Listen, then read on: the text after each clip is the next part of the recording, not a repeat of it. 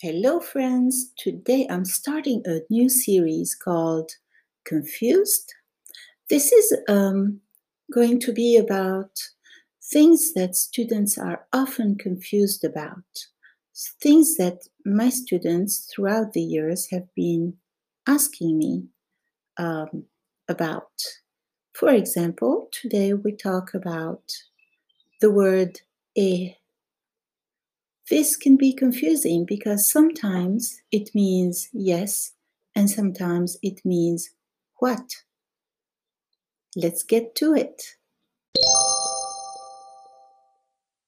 So, in the Egyptian dialect, people use the word e to mean what, like ismak e, what's your name?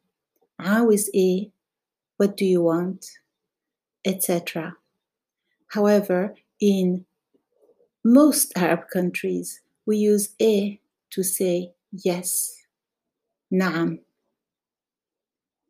E means yes in most Arab countries. E means yes in the Maghribi dialect, in the Levantine dialect, and in the Gulf dialect. In Egypt, it means what?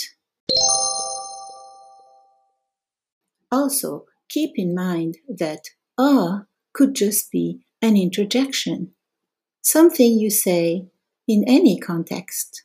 For example, you could say, ah, nisit, oh, I forgot, or ah, tabt, oh, I'm tired.